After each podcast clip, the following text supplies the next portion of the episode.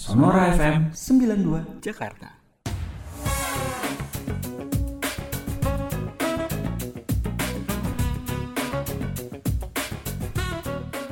Halo, selamat malam. Apa kabar teman-teman dan sahabat Sonora semuanya? Ada Anton, kemudian Fidel dan Anto. Ya, setiap Selasa kita akan bicara kesehatan di acara Health Corner. Betul, dan hari ini topiknya seru banget Mm-mm. nih. Ini masalah-masalah usia-usia lanjut gitu. Betul dan banyak dijumpai serta dialami oleh kita Ah. semua ya. Apakah kepala sekolah salah satunya?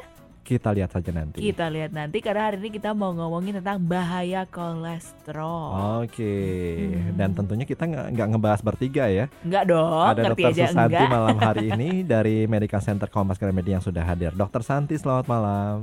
Halo, selamat malam Mas Anto, Fidel, Om Kepala Sekolah. Oh, ada omnya. Pakai Om dong. Iya betul betul. Halo, selamat malam pendengar. Kabarnya sehat dokter? Sehat dong. Sehat. Eh by the way aku mau tanya dulu nih statement aku tadi bener gak sih dok? Ini biasanya di usia-usia yang lebih lanjut gitu baru kena kolesterol atau sebenarnya dari muda? Ini nyindir orang lain nih yang di Oh. depannya. Tadi kan udah konfirmasi gitu kan. Terus Heeh. udah saling menunjuk ini. Iya, apakah dia gitu kan? Iya, memang benar. Oh bener ya, Iya. berarti oh oke tuh hati-hati tuh langsung diam semua panik. Cuma gini Bertambah dok ya, umur. eh, bukan masalah umur, cuma kan gaya hidup yang Hmm. kurang begitu sehat kan ini nggak cuma apa eh, dialami oleh orang usia lanjut ya. Iya. Eh, yang masih muda juga kadang eh, sekarang kita lihat aja deh anak-anak sekarang tuh makanannya semuanya serba instan ya anak kecil ya. Iya. Makanya di fast food, Mm-mm. kemudian ketika bubaran sekolah Gorengan. semuanya serba Oh, oh. gorengan, minumannya warna-warni. Iya, betul. nah, kalau bicara mengenai kolesterol, siapa yang bisa apa eh, Kena dialami? gitu. Heeh. Nah, apakah itu eh, monopoli orang yang sudah berusia lanjut atau mungkin secara general ini bisa dialami secara usia Siapa yang lebih ya? umum itu, Dok? Heeh. Iya, kalau dulu kan memang taunya oh kolesterol tuh penyakit orang tua Hmm. ya, Oke. kalau udah tua. Terus sekarang katanya kolesterol tuh penyakit orang kaya, Iya. ya makin kaya kolesterol Ada gitu makin ya? tinggi katanya. Oke oke. Tapi ternyata kolesterol bisa dialami oleh semua lapisan masyarakat Mm-mm. Oke. dan bisa dialami oleh semua lapisan umur. Oke. Hmm. Tergantung pada rezekinya. Nah, dalam arti gennya, Oke. bagaimana gennya itu mengolah dan apa memetabolisme kolesterol heeh, dan tergantung gaya hidup. oke. Bagaimana Hmm. gaya hidupnya ya. Ta- Tadi yang disebutkan makannya, Heeh, terus relatif anak sekarang kan jarak apa jarang sekali bergerak ya. Iya, Betul. Pulang sekolah duduk Mm-mm. langsung Main yang jarak gadget. cuman Jempol. ah, Jempol. Heeh. jari jempol kiri dan kanan gitu Iya. dan itu mempengaruhi tingginya kadar kolesterol jahat dalam Oke. badan. Oke. Oh, Jadi eh, gaya hidup, Mm-mm. kemudian eh, aktivitas kali dok ya. Iya, Yang jarang bergerak ya. aktivitas. Mhm. Mm-mm. Stres juga bisa mempengaruhi eh, kadar kolesterol. Hmm. Kalau Oh. kita stres, Iya. eh, ada hormon adrenalin, Mm-mm. kemudian mempengaruhi peningkatan trigliserid dan Mhm. peningkatan kolesterol jahat. Oke. Hmm, begitu. Cuma kalau bisa diceritakan secara apa? Secara general dokter yang dimaksud dengan kolesterol itu apa sih? Nah, sebenarnya kolesterol kan semua orang takut ya. Hmm. Aduh, kolesterol, kolesterol Heeh. mengerikan gitu. Hmm. Tapi sebetulnya kolesterol itu ada beberapa jenis. Ya. Jadi ada kolesterol yang baik, Mm-mm. ada kolesterol yang jahat. gitu. Oh. Jadi tidak semua kolesterol itu Jahat. harus dimusuhi Ya. ya. Dan Hmm. kolesterol sendiri sebetulnya di dalam tubuh kita dibutuhkan, Hmm. bukan sesuatu yang uh, Benar-benar harus ya. dihindarin. benar-benar gitu. harus dihindari Hmm. gitu. Ya. Jadi di dalam tubuh kita kalau kita tidak memakan kolesterol, Hmm. tubuh kita pun membuatnya. Jadi Ya. 80% Hmm. uh, kebutuhan kolesterol itu badan kita yang membuatnya di hati, Oh, di Oke. lever, di hati ya. Dan 20% berasal dari makanan-makanan yang Mhm. uh, kita makan yang mengandung kolesterol. gitu. Iya. Oke. Tadi kan diceritakan kalau kolesterol itu ada dua ya. Kolesterol jahat dan kolesterol baik ya dok ya. Ya. Kita yang kejahat dulu nih. Oh sukanya yang jahat-jahat Yang dulu jahat-jahat ya nih kan? ya. Yang Jadi- pahit-pahit dulu lah dok. Yang pahit-pahit saja, yang manisnya belakangan simpen Iya. ya. Fidel belakangan ya. Oh kentang wow, tetap ya dok ya tiap Tetap yang minggu. belakang. ha, ha. Kalau kolesterol jahat tuh kayak gimana sih dok? Bedanya apa? Kolesterol itu sebenarnya kalau kita ke laboratorium kita cek kolesterol biasanya yang dicek tuh empat item kolesterol total Mhm. Kolesterol yang namanya HDL yang Mhm. biasa kita kenal dengan kolesterol baik Mhm. kolesterol LDL yang biasanya kita kenal dengan kolesterol jahat Mhm. dan trigliserida Hmm. Nah, empat komponen ini semuanya eh, mempunyai fungsinya sendiri-sendiri. Gitu. Ya. Kolesterol yang total itu biasanya merupakan penghitungan Hmm. antara kolesterol HDL ditambahkan dengan kolesterol LDL yang Hmm. jahat dengan yang baik ditambah seperlima dari eh, trigliserida. Hmm. Itu dapat nilai kolesterol total. Ya. Apa bedanya kolesterol jahat dan kolesterol baik? Mhm. Kolesterol jahat itu kita kenalnya dengan nama LDL kolesterol. Hmm. L-nya itu dari low, Hmm. D-nya density, uh, L- uh, L-nya lipoprotein. Jadi uh, kolesterol yang jahat itu molekulnya besar Hmm. karena dia densitasnya besar Hmm. sehingga mudah mengendap di dinding dalam pembuluh darah.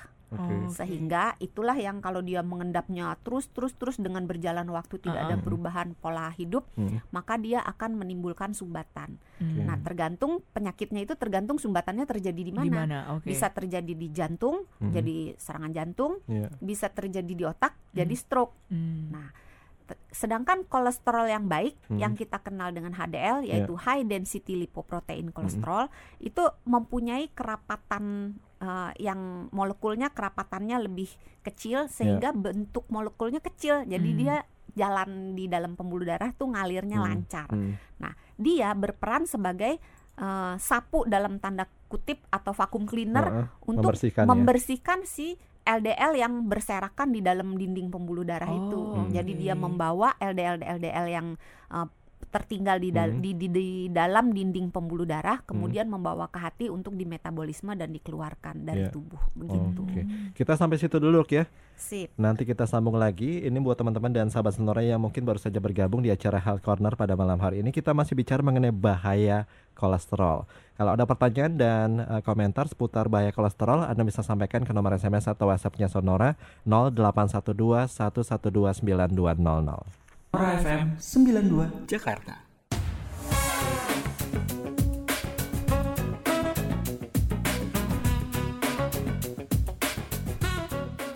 Kita masih di acara Health Corner bersama dengan Dr. Susanti dari Medical Center Kompas Gramedia dan kita masih bicara mengenai bahaya kolesterol.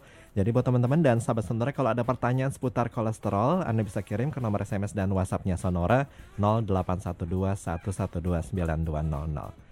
Kolesterol ternyata ada yang baik, ada yang jahat ya. Ah, ah, kayak bawang putih bawang merah gitu Oh, kan ya cerita rakyat Ah. ada yang baik ada yang jahat Bawang merah, bawang putih. Ih makasih tangannya nunjuk bawang merah ke kepala sekolah bawang putih ke aku makasih ya Tapi tumben bawang baik putih menderita loh. Eh, oh iya sih oh kok dia malah bangga ya nggak apa-apa aku bawang putih tapi versi Awalnya modern ya menderita, cuma akhirnya happy gitu ya dok Asik. ya. Ah, Iya. Nah kita kembali ke kolesterol jahat dan kolesterol baik dok. Kita ke kolesterol jahat dulu dok ya. Ini kolesterol jahat alias LDL ini bisa didapat dari mana saja dok? Kebanyakan sih dari makanan Hmm. ya. Yang Makanan kata, apa aja tuh dok? Nah, yang enak-enak katanya karena kabarnya untung saya nggak doyan. apa aja tuh dok Telur burung puyuh. Waduh Oke. itu kalau makan bubur ayam harus Nah. ada telur burung puyuh Ayo tuh. loh, Yang kolesterol kuning-kuning itu kan dok ya? Iya. Waduh. Terus otak, gulai otak tuh. oke Kuning telur, Hmm. Waduh. terus cumi-cumi, Cumi juga dok. ini Iya. juga wow terus jeroan dalam semua bentuk ya, daleman ya. Ya. Hmm. Jadi mau Udang juga babat, mau Heeh. uh, ginjal, Heeh. hati, paru itu tinggi uh, Oke. kolesterol. Aduh. Terus gaji kalau kita makan sate kambing heeh. kan tengahnya suka Ada ada, yang lembek-lembek gitu dok ya. kenyal-kenyal. Heeh. Saya nggak Itu pernah makan gaji. sih. Cuma enak tuh dok. Enak ya. Enak dok. eh bener ternyata yang enak-enak terus Oh. terus Iya. Apalagi dok Terus kulit. Aduh kulit Aduh. aduh kulit enak Kulit. banget Ini lah yang ngetren Ah. nasi kulit dok. Ah. Waduh saya suka banget dok. semua kulit Nasi ya kulit tuh. kulit ayam kulit Heeh. sapi kulit babi semua kulit Aduh Ah, Tuhan. terus udang Heeh. kepiting Udang Waduh, juga. Iya. kepiting Kepiting juga. iya lobster tapi Heeh. lobster mahal ya Untungnya mahal dok Untungnya ya. mahal Jarang ya. kita makan. Kepala sekolah tiap hari paling nggak makan satu lobster Ya loh. beda kasta sama kita Oh lah iya, Del. Kita kan raja jelata ya. Del. Nggak relatable ya jiwa miskin kita. Miss Queen gitu Gak usah kan. dibahas lah dia lah. Iya iya. Terus terus dok. kue-kue Kue-kue. Ah, sama es krim Oh es krim juga dok. Es krim yang dibuat dengan menggunakan susu yang full cream Oh full cream. Yang Berarti susu full penuh. cream gitu juga kan iya ya? iya Oh wow dan ternyata. susu kan dibuat me- dengan menggunakan kuning telur juga selain Hmm. Oh susu Jadi iya, double iya, dosanya. Iya, iya. Oh, apa Jadi kabar kita- mayones ya? Jadi kita makan gado-gado aja ya. Oh, enggak juga dong. Enggak juga. tinggi asam urat. Waduh. Jangan apa- apa-apa deh, air putih, kita air putih. Eh, dari tadi yang Nasi putih disebutin. nanti sakit gula. Oh. Oh, bingung mau makan bingung apa ya? Bingung banget. Cuma- Osmosis aja deh. Cuma dari mungkin ini udara. dok ya, apa eh, jumlahnya kali ya, Iya. yang harus perhatikan ya. Jumlahnya dan frekuensinya. Jangan Nah. makannya dikit sih, Iya. tapi tiap hari. itu Tuh, dia. Dari tadi yang disebutin dokter di eh, kolesterol jahat semuanya kamu suka kan ya? Heeh. Kalau yang baik semoga ada yang kita suka nih. Yang Nah. kolesterol baik apa nih dok? Apa yang baik, Dok? yang baik-baik saja. Heeh. Eh, kolesterol baik HDL itu bisa kita jumpai di ikan-ikan laut. Oh, Saya juga Kalau suka yang- ikan laut ya. Yang Tuna, mahal tuh salmon. salmon, tuna. Tapi kan Hmm. itu hanya bisa awal bulan ya. Mm-mm. Kalau Iya. akhir bulan ikan kembung aja, sama Hmm. bagusnya. eh, Lebih murah meriah. tuna yang dikalengin atau salmon gimana dok? Asal dia jangan dalam minyak boleh. Oke. ada tuh yang dalam air garam. Iya, Iya. Hmm. tapi ditirisin ya. Iya. Tapi ngapain sih pakai yang Kaleng. dalam kaleng? Hmm. Yang seger aja banyak di pasar. Siap siap dok. Kalau mahal salmon, ikan kembung murah meriah. Oke. Eh, tapi jangan digoreng, Eh. dipanggang aja, Dipanggang. nanti dibuang eh, kulitnya atau Oke. dipepes Ya. gitu ya. Terus kacang-kacangan, Kacang-kacangan semua baik. jenis kacang, asal Oke. jangan banyak-banyak. Heeh. Kembali lagi jangan Asam banyak-banyak. urat. Iya, Aduh. bisa asam urat kalau banyak-banyak. Ah, ah. Ya. Sama buah-buahan, terutama Hmm. alpukat. Oke. Hmm. Begitu. Oh, begitu. Doyan nggak? Oke. Eh, yang jahat lebih banyak ya dari yang baik pusing jadi. Bener. Karena Tapi sebenarnya. Meningkatkan eh, kolesterol baik tidak hanya itu sih, Oke. dengan banyak makan sayur Hmm. dan Oh. buah itu bisa, Bisa. membantu meningkatkan HDL Hmm. dan menurunkan L- LDL. Oke. Hmm. Cuma tanda-tandanya seperti apa sih dok kalau kita katakanlah kolesterolnya udah tinggi?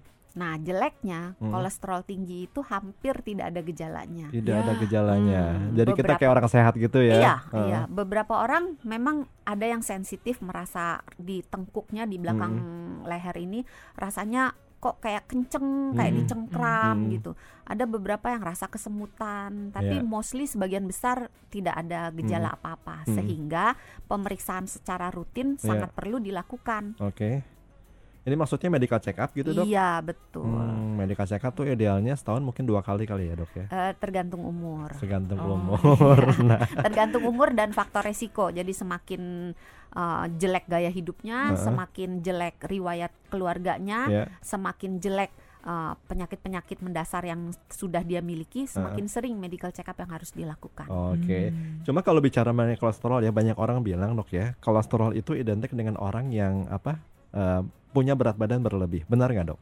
Wah, nanti ada yang tersinggung nih. Hmm, kan, ya aku Nggak udah boleh, marah nih. nggak boleh salah nengok ya.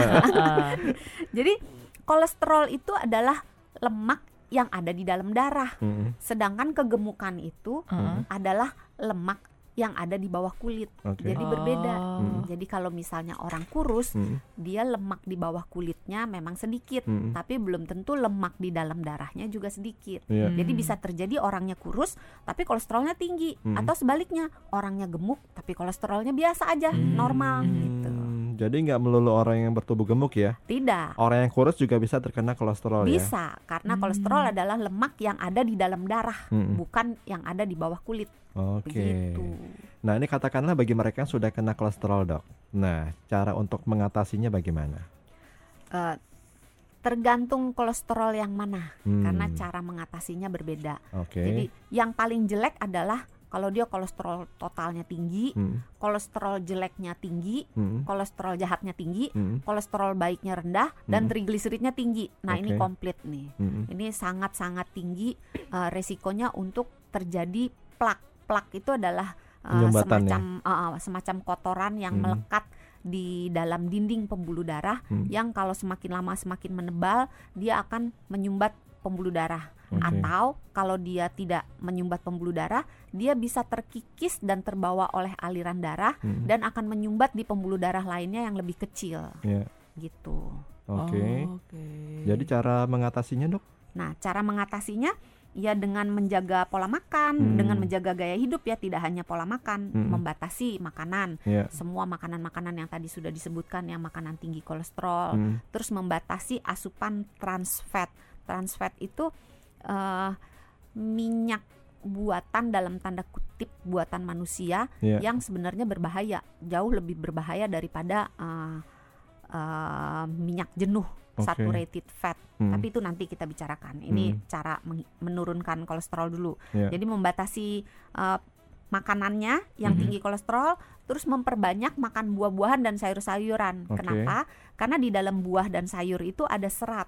Hmm. Nah, serat itu akan mengikat asam empedu Iya. yang ada di dalam saluran pencernaan Hmm.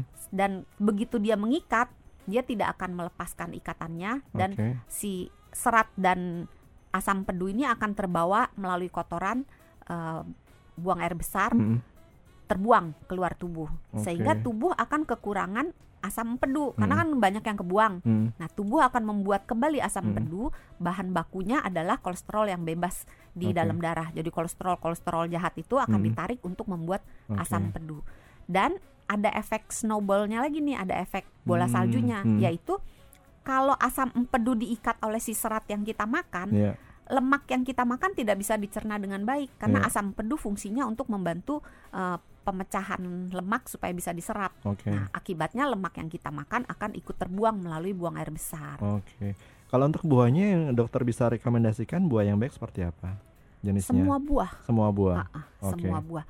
Hanya perlu mendapat perhatian pada orang yang mengalami peningkatan trigliserida. Mm-mm. Itu harus membatasi buah-buah yang tinggi kalorinya. Oke. Biasanya yang rasanya manis Mm-mm. Hmm. seperti Mangga. eh, mangga, Mm-mm. anggur Hmm. atau yang eh, padat karbohidratnya Mm-mm. seperti pisang, Pisang. atau durian Iya. gitu ya. Jadi Mm. durian sebenarnya tidak ada kolesterolnya ya. Oke. Kolesterol hanya ada di eh, hewan, Hmm. tidak ada di Oh, eh, tumbuhan. Mm-mm. Jadi durian tidak mengandung kolesterol. Mm-mm. Oke. Tetapi dia berpotensi meningkatkan trigliserida karena kalorinya tinggi. Hmm. Nanti habis ini Hmm. kita bahas tentang trigliserida ini menarik. Oke.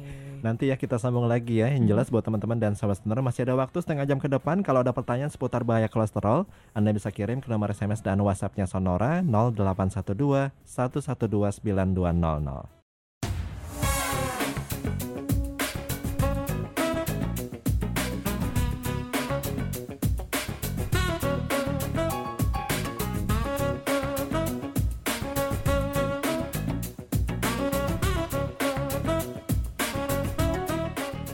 Iya, masih ada waktu buat teman-teman dan sahabat Sonora di acara Health Corner yang mau bertanya seputar bahaya kolesterol. Anda bisa kirim ke nomor SMS dan WhatsApp-nya Sonora 0812 112 9200. Ada Santi dari Medical Center Kompas Gramedia yang akan menjawab pertanyaan Anda. Kita baca pertanyaan Del ya. Ya ada pertanyaan dari Pak Burhan Bahar nih. Malam mau tanya, kalau kita rutin donor darah nih dok, apakah kolesterol darah akan turun? Hmm, pertanyaan menarik nih dok. Mm-mm. Menarik ya, kan Iya. dibuang ceritanya darahnya dalam Katanya tanda kutip kan ya. kalau kita donor darah itu mendetoksifikasi ya Iya. kotoran-kotoran yang ada di tubuh ya. Iya, sebenarnya gini, eh, memang betul kolesterol itu ada di dalam eh, darah tercampur di dalam darah. Jadi Mm-mm. kalau kita mendonorkan darah kepada eh, orang, Orang lain, membutuhkan. orang yang membutuhkan, Hmm, berarti kan kolesterol yang ada di dalam darah itu juga ikut terbawa, ya. gitu. Tapi harus kita ingat bahwa yang diambil darahnya itu Hmm, hanya sekitar 200 sampai 250 mili Oke. Oke. mililiter. Sedangkan jumlah darah kita itu rata-rata antara empat setengah liter sampai lima setengah liter. Hmm, Jadi, masih ada setengah Eh, banget tidak gitu ya. signifikan, iya, Iya. tidak signifikan. Walaupun dia turun, tapi Hmm. tidak signifikan karena Oke. jumlah yang diambil sangat sedikit. Nggak Iya. mungkin diambil sampai 2 liter. Waduh, agak langsung habis. Dracula kan, banget ya. Lemes ya. Lemes Ah. banget. Oke, berarti tidak sebenarnya tidak akan signifikan Iya. menurunkan kolesterol gitu. Tidak dok? Atau tidak sama ya? sekali. Eh, menurunkan iya, Hmm. karena kan Oh. pasti keluar kan. Oke, tapi tidak signifikan Tidak karena yang signifikan. diambil juga hanya sedikit gitu tapi ya. menambah pahala. Oh, wow, penting juga itu ya. Lalu ada Wahid di Jakarta Timur. Ya. Eh, saya mau tanya, saya ini masuk kategori bobotnya kurus nih dok. Hmm. Eh, bobotnya 45 kg. Masuk kategori bobot kurus tapi hobinya makan telur dan sayuran. Nah, Sehari dibatasi oleh Pak Wahid itu 4 butir telur. Kira-kira bahaya nggak dok untuk kesehatan? Dibatasinya tapi 4. Iya, saya aja makan lebih dari satu dua aja gitu ya. nggak boleh sama istri saya. Ini banyak banget ya makan empat Iya, sehari. 4. Kalau makan sayur-sayuran baik Mm-mm. karena memang seperti yang tadi kita sudah jelaskan bahwa sayur itu mengandung serat dan Iya. di dalam serat itu eh, bisa membantu menurunkan kolesterol dengan Hmm. mekanisme yang tadi itu. Hmm. Dan eh, serat eh, apa di dalam tumbuhan itu ada yang namanya eh, fitosterol. Jadi Hmm. dia eh, sejenis kolesterol yang ada di tumbuhan. Iya. Jadi tumbuhan itu tidak pur- tidak pernah ada tumbuhan yang mengandung kolesterol. Oke. Jadi ada klaim kan kacang Mm-mm. oh bebas kolesterol. Ya semua kacang memang tidak ada kolesterolnya, tidak Iya, hanya iya, kacang iya. merek tertentu yang oh iya bebas kadang-kadang kolesterol ya dijual kan. kayak gitu Dijual ya. kan Kacang kadang, bebas mm, apa kolesterol. kacang Oke. no kolesterol gitu. Eh, Ah. semua kacang memang Iya. tidak ada kolesterol kecuali di dalam bungkusan kacang itu ditambahkan sesuatu yang sifatnya berasal dari hewani. Oke. Nah, itu maka kolesterolnya berasal dari tambahannya, tapi Iya. kacangnya sendiri semua kacang itu Bebas eh, kolesterol. bebas kolesterol Oh, gitu. Oke. Nah, jadi eh, sayur-sayuran bagus dimakan, tapi untuk telur kalau satu hari empat agak berlebihan Iya. karena dalam satu satu butir telur ukuran Heeh. sedang sampai besar Heeh. itu kolesterolnya kira-kira antara 200 Iya. mg. Heeh. Sedangkan kita Mm. satu hari itu satu kali 24 jam maksimal sekitar 300 miligram miri- miligram Heeh. eh, kolesterol yang Mm. boleh kita makan gitu. Iya. Jadi kalau Oke. 4 dikali 200 Udah berarti 800. sudah 800 Uh-uh. sedangkan kita butuhnya maksimal 300 Iya, gitu Oh. jadi Uh-uh. sebenarnya berlebihan. 500-nya. iya Bener. le- lebihnya Iya, banyak iya, banget iya, gitu iya. jadi Oke. tidak bisa di cover juga dengan Heeh. eh, serat yang dimakan karena sebanyak apa serat yang Heeh. eh, dibutuhkan untuk menurunkan Heeh. eh, surplusnya berapa 800 dikurang 500. 500 miligram terlalu jauh Terlalu jauh. Oh, Bener, bener, oke. jadi bener. mungkin asupan telurnya uh, Heeh. diturunkan, heeh. Sayurnya Satu, ditambahin. sayurnya gitu, ditambah. Oke. Termasuk yang suka ini ya sarapan bubur ayam dok ya. Biasanya kan ada tambahan jeroan, telur sate apa kuning, yang Iya. telur kuning Puyuh. gitu, telur Jadi puyuh. kalau mau nambah nambah ayamnya aja karena Mm-mm. ayamnya biasanya kan dada, Betul. dada ayam itu Mm. Iya. uh, rendah lemak. Jadi Mm-mm. nambahnya ayam daging ayamnya aja, Mm-mm. jangan nambah kerupuknya, jangan nambah Oke. uh, iya, nambah daun bawang boleh Aduh. atau nambah uh, apa namanya? Uh, Seledri. toge, Oh, toge, Aduh. seledri boleh. Dan terus untuk tadi siapa namanya yang makan telur empat itu Eh, eh, Uh, uh, Pak- mesti dibantu juga Wahid, selain mm-mm. menjaga uh, pola makannya Heeh. juga bantu dengan mm, banyak bergerak jadi Oke. jangan duduk diem duduk diem Mm, gitu mm, mm. Uh, banyak bergerak olahraga teratur Ya. gitu. Hmm. Oke. Tapi emang faktornya apa sih dok selain makanan gitu ya untuk Heeh. menurunkan kadar kolesterol? Apakah olahraga tadi sudah disebutkan ya? Betul. Kalau misalnya tidur cukup gitu, apakah mempengaruhi atau ngerokok gitu dok? merokok mempengaruhi karena Hmm. rokok itu merusak uh, dinding dalam pembuluh darah Mm. sehingga memungkinkan untuk kolesterol kolesterol jahat itu ngendap nempel Iya. karena dindingnya rusak Ya. Terus rokok itu meningkatkan kolesterol jahat dan menurunkan kolesterol baik. Hmm, Jadi begitu. berhentilah merokok kalau Jadi uh, kafein itu merokok. itu ya bahayanya seperti itu ya kafeinnya. Eh, maksudnya Kalau itu nikotin, nikotin ya. heeh. Heeh, kafein adalah itu kopi. ya pak. Iya, nikotin. Heeh. Iya. Itu bahayanya seperti itu dok Iya, ya. iya. dia Oke. merusak dinding dalam uh, pembuluh darah. Hmm, Oke hmm. oke oke. Siap siap. Tadi kan disebutin juga nih sama dokter kalau yang tumbuh-tumbuhan Hmm. itu sebenarnya tidak ada kolesterol. Tapi kan kadang-kadang kayak jangan makan duren, Iya. nanti palanya pening-pening kayak gitu tuh nyambung gak sih dok sama kolesterol enggak ya? Eh sebenarnya dibilang kolesterol jahat ya eh, enggak sih. Oh, enggak. Jadi oke. dia lebih meningkatkan ke kadar trigliserida. Aha, Tapi trigliserida merupakan salah satu komponen dari kolesterol. Oke. Jadi sama buruknya. Hmm. Hmm. Oke.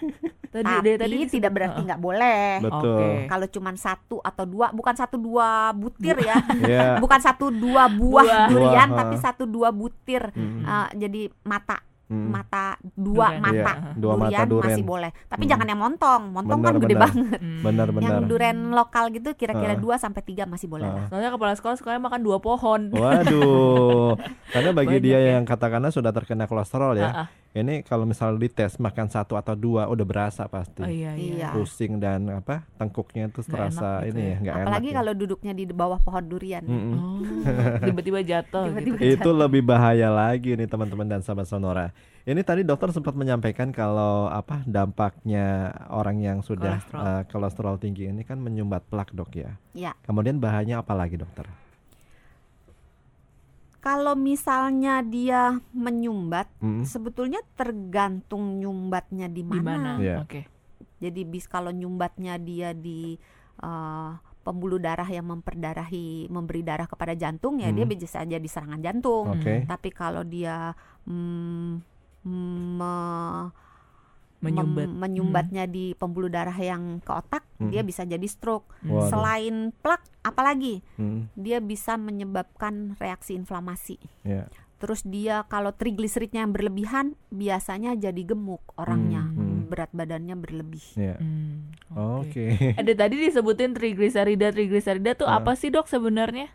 Nah, trigliserida itu sebetulnya sejenis lemak yang ada di dalam tubuh yang Oke. merupakan bagian dari kolesterol yang biasa kita cek it- empat item itu. Heeh. Mm. Yang sebetulnya dia itu gampangnya gini, kalau kita cadangan energi di dalam tubuh kita. Jadi Oke. kalau misalnya kita makan, makanan kita itu akan diubah menjadi eh, glukosa, menjadi Hmm. gula, Hmm. menjadi energi, menjadi Mm-mm. kalori. Ya. Nah, kalau kita makannya misalnya 3000 kalori, sedangkan kalori yang kita makan akan kita gunakan untuk bergerak, untuk Mhm. kita bernafas, Hmm. untuk jantung melakukan fungsi pemompaan dan sebagainya, kita pakainya misalnya hanya 2000. Ya. Yang kita makan 3000, berarti surplus 1000. Seribu. Hmm. Oleh tubuh kita yang 1000 ini tidak dibuang, tapi disimpan Simpan. dalam bentuk trigliserida untuk kemudian dioper ke sel lemak, disimpan sebagai cadangan. Buat Oke. apa? Kalau kita terlambat makan kan Hmm. otak kita tetap harus berpikir, Oh, jantung tetap oke. harus berdetak, kita Hmm, tetap hmm. harus beraktivitas. Hmm. Diambillah dari si cadangan makanan Oh, ini untuk oh. menjadi energi. Oh, Hmm. begitu. Oke. Gitu. Jadi Hmm. em, makanan-makanan yang menyebabkan kadar trigliserida tinggi Hmm. sedikit berbeda dibanding dengan makanan yang menyebabkan kolesterol jahat tinggi. Hmm, hmm, Jadi hmm, yang menyebabkan kadar trigliserida tinggi adalah Hmm. makanan-makanan yang tinggi kalori. hmm. Jadi karbohidrat Hmm. yang sederhana kayak Hmm. donat lah, Hmm. Betul. apalagi tuh eh, eh, bakwan, Bakwan. eh, Heeh. Oh, eh, oke. apa kue-kue, keripik-keripik, Hmm, hmm, hmm. gorengan Iya. gitu-gitu itu mm, kalorinya tinggi. Hmm. Terus mm, manis-manis, Iya. goreng-goreng termasuk minyak ya dan Iya. santan. Oke. Hmm. Ini bagi mereka yang sudah punya kolesterol tinggi, apakah harus dibantu obat dok buat menurunkan eh, kadar kolesterolnya? Atau cukup dengan Tergantung, mengubah gaya hidup? Tergantung. Kalau Hmm. kolesterolnya ekstrim tinggi Mhm. dan pada beberapa Ekstrim orang tinggi itu gimana tuh eh, menentukannya? Levelnya. Hmm. batasnya Hmm. Nah, batasnya tuh masing-masing tuh sendiri-sendiri. Kolesterol total itu pada anak-anak atau dewasa? Dewasa. Pada dewasa kolesterol total itu maksimal eh, 200. Jadi di Oke. bawah 200 mantap itu Hmm. yang diharapkan. Tapi Bagus kalau dok ya. ya bagus. Kalau Hmm. kolesterol total antara 200 sampai 239 ya kita Hmm. cukup waspada aja. Oke. Belum membutuhkan eh, penanganan medis. Ya mungkin udah mulai jaga-jaga mulut, Hmm. udah mulai eh, gerak-gerak dikit Iya. ya olahraga udah mulai ditambah Oke. gitu. Tapi kalau sudah di atas 240 biasanya memerlukan penanganan medis. Oke. Penanganan medis belum tentu berarti bahwa harus dengan obat. Hmm. Bisa dengan mengubah gaya hidup, diberi nasihat bagaimana caranya mengubah gaya hidup. Ya. Kalau bu- dibutuhkan eh, ditambah dengan obat-obatan penurun kolesterol. Hmm. Terus kalau untuk kolesterol jahat Hmm. LDL Hmm. itu diharapkannya pada populasi yang normal, yang sehat, orang-orang sehat biasa di Hmm. bawah 100. Hmm. Tapi kalau pada orang yang beresiko tinggi, Hmm. ah, orang yang punya penyakit jantung Hmm. atau orang yang punya darah tinggi Hmm. atau orang yang berpotensi kena stroke atau Ya. yang sudah kena stroke Hmm. diharapkan angkanya di bawah 70 Oke. untuk kolesterol jahat. Ya. Kalau di atas 129 kita masih mengatakan itu masih di atas normal. Hmm. Tapi masih oke lah ya. Ya. Kita mulai mm, memberikan intervensi medis ketika LDL itu sudah di atas 160. Oke. Jadi udah mulailah ke dokter. Hmm. Terus kalau untuk HDL nilai yang diharapkan itu setidak-tidaknya 40. Ya. Tapi kalau nggak eh, makin tinggi kan makin baik karena Hmm. HDL ya. Hmm. Jadi kalau bisa di atas 60, tapi Ya. kalau nggak bisa minimal 40. Oke. Sedangkan untuk trigliserida batas yang diinginkan 150. Tapi Hmm. saya pernah mendapatkan satu lab walaupun satu satu lab itu aja Hmm. Dia memberikan batas 180 untuk trigliserida. Oke. Tapi rata-rata lab memberikan batas tuh 150. Ya. di atas 150 sampai 199 kita masih mengatakan ah itu normal tinggi. Oke. Tapi kalau udah di atas 200, nah itu sudah membutuhkan Iya. penanganan medis. Oke. Oh, Baik, kita beri kembali dok. Nanti kita akan Mhm. jawab pertanyaan kembali. Teman-teman dan sahabat sonora tetap bersama kami di acara Health Corner. Kita masih bicara mengenai bahaya kolesterol bersama dengan Dr. Santi dari Medical Center Kompas Gramedia. Sonora FM 92.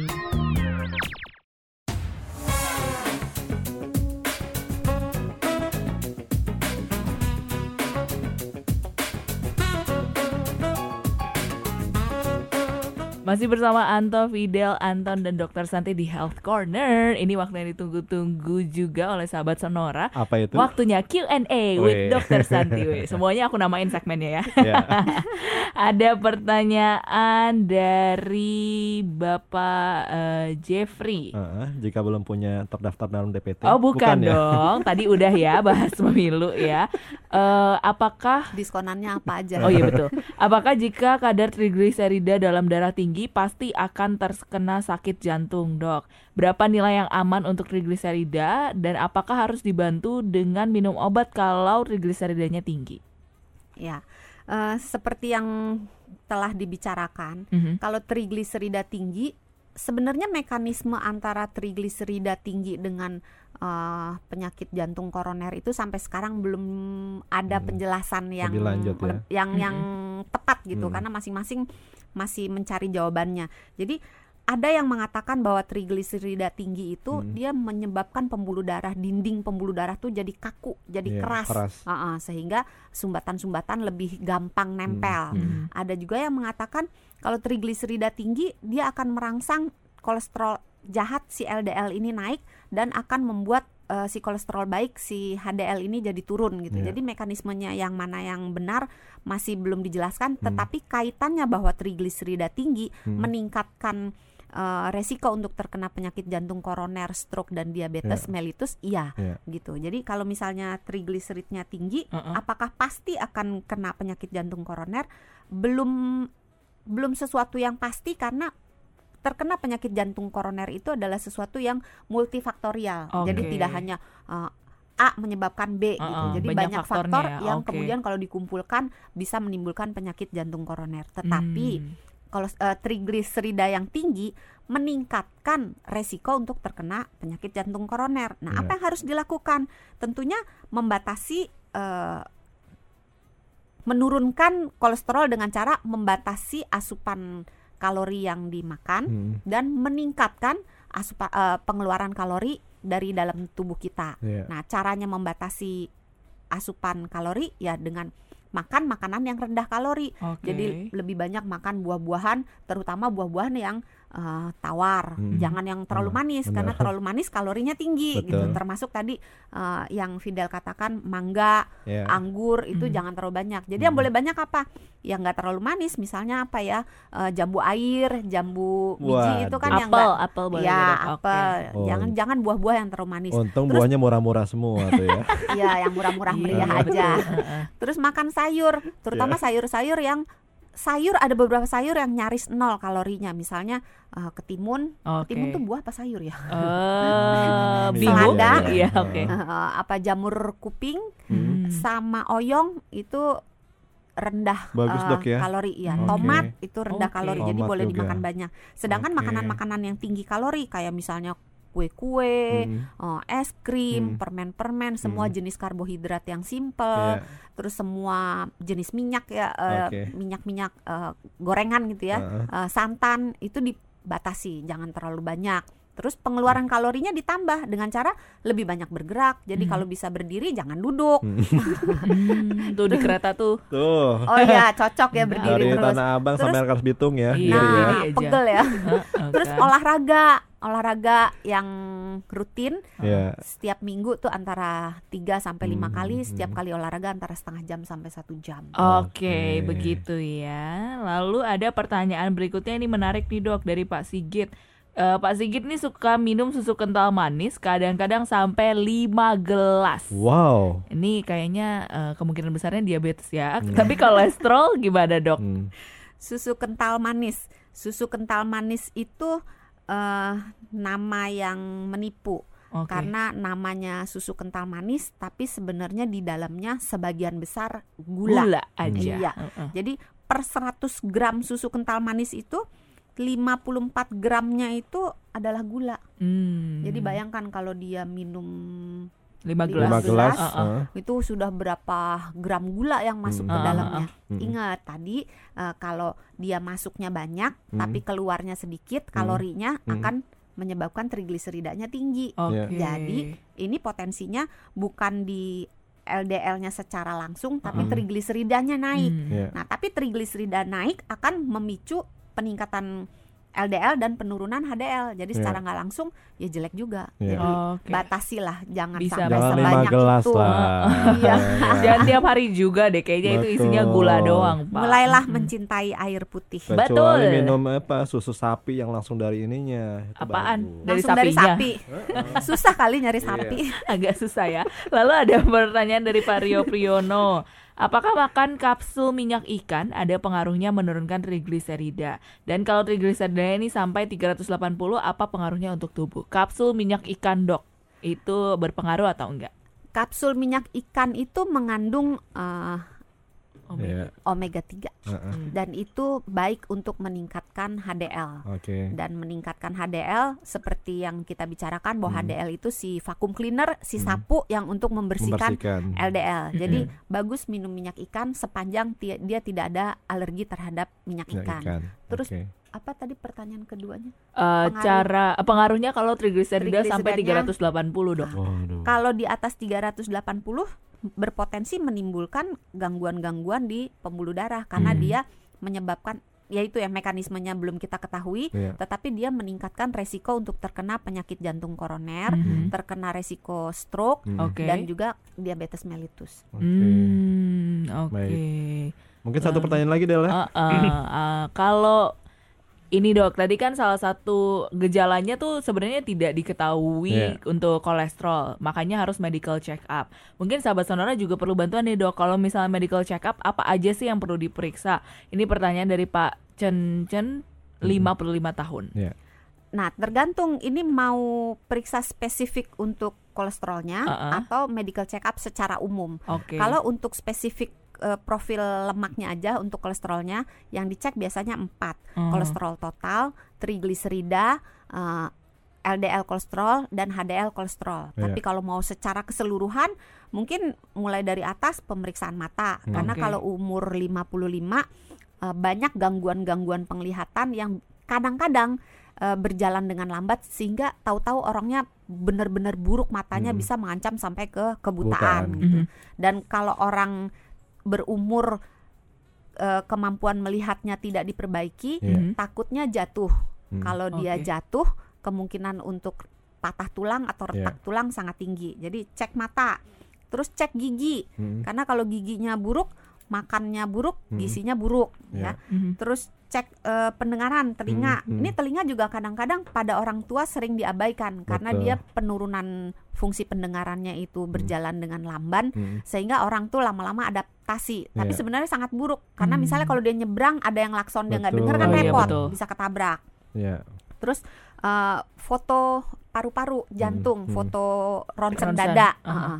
Terus biasanya kita minta rekam jantung, Hmm. eh, EKG. Hmm. Terus untuk pemeriksaan darahnya yang pada umumnya diminta adalah tadi profil lemak, Iya. kolesterol total, LDL, HDL dan trigliserida, Hmm. terus asam urat, Hmm. fungsi hati berupa SGOT dan SGPT, Hmm. kemudian fungsi ginjal berupa urium dan kreatinin Hmm. dan dicek juga urin urin lengkapnya. Jadi Iya. urinnya Oke. dilihat ada apa di situ. Hmm, Oke. Biasanya gitu. begitu. Jadi Oke. emang banyak banget tuh yang Banyak harus diperiksa ya. Iya, Hmm. belum profil darahnya, Heeh. anemia tidak. Betul. Jadi tergantung dana sih sebetulnya. Iya. Yang Ujung-ujungnya jelas duit. eh, ini apa eh, sesuai dengan usia juga, sesuai dengan apa Gaya penyakit-penyakit yang sudah diderita dok ya. Ya, Eh, medical check up-nya nih eh, kapan harus terus dilakukan? Kurang lebih seperti itu dok ya. iya. Makin tinggi resikonya semakin Iya. cepat kita harus eh, mengulang medical check up. Oke, ini nggak terasa waktu kita sudah satu jam dokter. Eh, mungkin eh, sekitar semenit dok ya bisa memberikan tips nih buat teman-teman dan sahabat sonora semuanya seputar kolesterol. Iya. Kolesterol itu sebenarnya bukan sesuatu yang harus kita musuhi karena dia sebenarnya berfungsi untuk uh, pembentukan uh, dinding sel di dalam tubuh kita, pembentukan hormon, membantu hmm. proses pencernaan, membantu yeah. penyerapan dan sebagainya. Tapi kalau dia berlebih hmm. bisa menimbulkan penyakit. Yeah. Maka jagalah supaya kadar-kadar kolesterol yang tadi kita bicarakan itu tetap berada dalam batas-batas yang normal. Okay. Kalau seandainya uh, sudah melebihi dari batas normal, hmm. maka segera berkaca, yeah. benahi gaya hidup dulu, yeah. batasi makanan-makanan yang tinggi kolesterol, hmm. terus makan lebih banyak sayur-sayuran dan buah-buahan, yeah. Terus memilih karbohidrat yang kompleks daripada yang karbohidrat sederhana, yeah. terus banyak bergerak, hmm. olahraga teratur, yeah. dan turunkan berat badan kalau memang berat badannya berlebih, okay. terus berhenti berhenti merokok batasi minuman alkohol yang beralkohol, hmm. terus kendalikan stres yeah. dan kalau memang tidak bisa juga masih yeah. tetap di atas ambang tinggi, hmm. maka perlu obat-obatan penurun kolesterol. Okay. Dan karena kolesterol tidak banyak menimbulkan gejala yang signifikan hmm. yang bisa kita rasakan, yeah. maka dianjurkan untuk kontrol memeriksa kadar kolesterol kita secara teratur. Oke, okay. okay. mudah-mudahan apa yang kita bicarakan malam hari ini bermanfaat. Dokter Santi terima kasih. Terima kasih, Dok. Ketemu lagi Selasa besok, Dok ya. Siap. Oke, juga terima Semoga kasih buat teman-teman dan sahabat sonora semuanya. Uh, Anton, Fidel dan Anto yang tugas pamit. Selamat malam, sampai jumpa. Selamat malam.